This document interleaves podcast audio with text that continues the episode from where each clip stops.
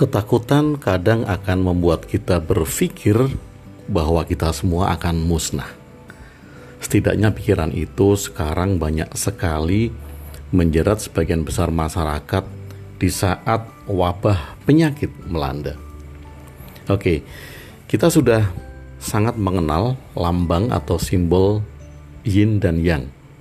Ya, simbol tentang dualitas atau keseimbangan prinsipnya di dunia ini akan ada hidup dan mati, akan ada kelahiran dan kematian, panas dan dingin, tinggi dan rendah, cinta dan benci. Keseimbangan dunia seperti itu, ya seperti itu adanya.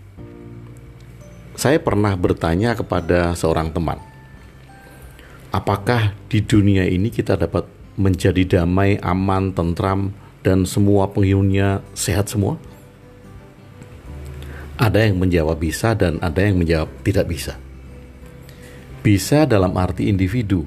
Setiap individu punya kesempatan untuk menciptakan kedamaian, keamanan, dan ketentraman bagi hidupnya sendiri.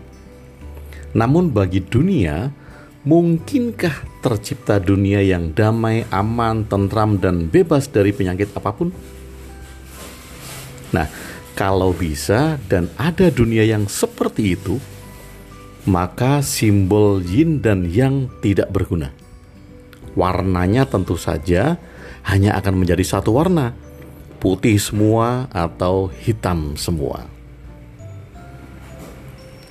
Tugas kita memang bukan untuk membuat dunia menjadi damai, aman, tentram. Tugas kita adalah untuk diri kita, melahirkan kedamaian, keamanan, dan ketentraman di dalam diri. Dunia akan seimbang bagi dirinya sendiri. Tidak akan ada proses depopulasi massal seperti yang diberitakan sehingga menimbulkan ketakutan. Setiap kelahiran akan ada kematian dan setiap kematian akan ada kelahiran. Apabila dunia sedang melakukan proses depopulasi dalam satu masa wabah penyakit misalnya, maka seharusnya di saat itu tidak ada kelahiran. Kelahiran di sini atau kematian di sini bukan hanya untuk manusia, tapi untuk semua bentuk kehidupan.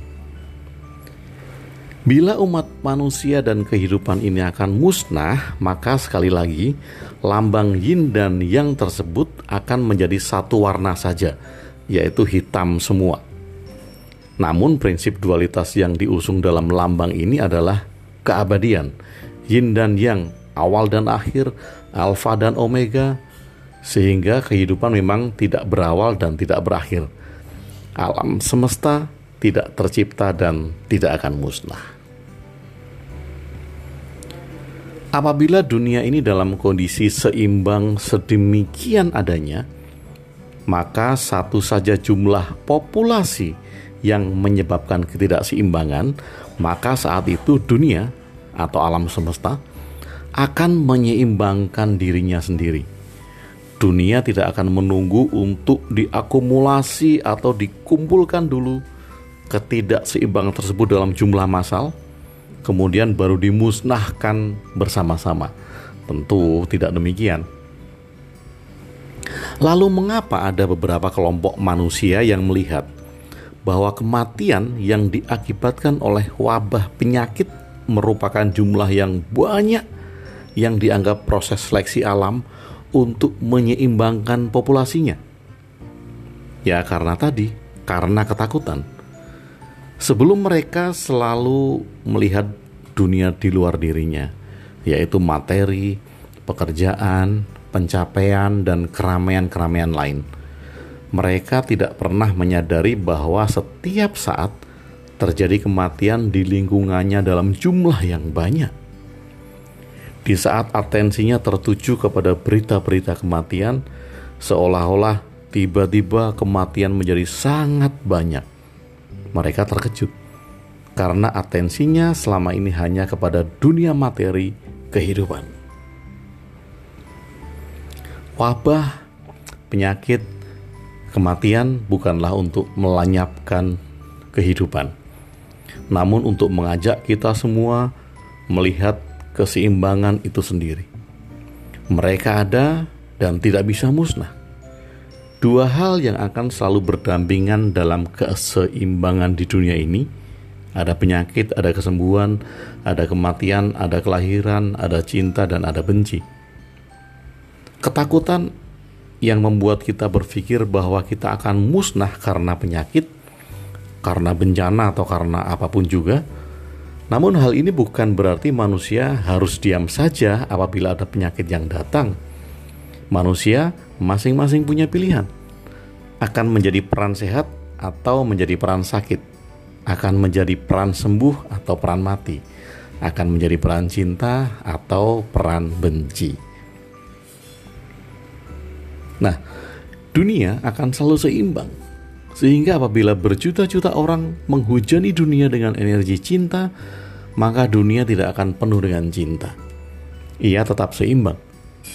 Akan ada cinta dan benci, dan bila kita melihat berjuta-juta orang sedang menjadi pembenci, itu pula tidak akan menjadikan dunia penuh dengan kebencian. Ia tetap seimbang. Lalu, apakah kita tidak boleh menghujani dunia dengan energi cinta? Tentu sangat boleh. Namun itu tidak akan mengubah dunia yang seimbang. Apabila tujuan Anda menghujani dunia dengan energi cinta agar dunia penuh cinta, maka Anda akan kecewa Hujanilah dunia dengan energi cinta, siapa pun Anda dan berapapun banyaknya Anda. Dan hal itu adalah untuk diri Anda sendiri, untuk diri kita masing-masing, yaitu untuk kesadaran kita tentang peran melahirkan cinta kasih dalam kehidupan. Kemudian, apakah dengan meditasi cinta kasih diri kita akan penuh dengan cinta? Tidak juga karena diri kita juga merupakan bagian utuh dari yin dan yang tersebut. Setiap dari kita seimbang dengan cinta dan benci di dalamnya. Meditasi cinta kasih tidak akan menjadikan satu bagian utuh cinta tanpa benci. Namun, meditasi cinta kasih dapat menumbuhkan kesadaran sehingga kita dapat memilih faktor pendorong tindakan kita dari apa yang akan kita lakukan apakah kita didorong oleh faktor might atau keakuan atau faktor mercy atau cinta kasih itu sendiri.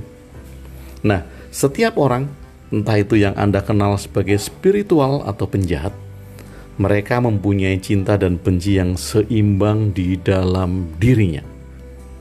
Tidak ada yang lebih. Yang membedakan adalah ada orang yang sadar sehingga faktor pendorong tindakannya itu mercy atau cinta kasih, dan ada orang yang tidak sadar sehingga ia didorong oleh faktor pendorong tindakan might atau keakuan. Jadi, apakah Anda mempunyai rasa takut bahwa berita-berita kematian yang Anda dengar akan memusnahkan manusia? Kalau demikian, marilah kita sejenak menepi untuk melihat kembali bahwa semua kehidupan sudah seimbang apa adanya. Selamat menjadi manusia di dalam rumah diri Anda.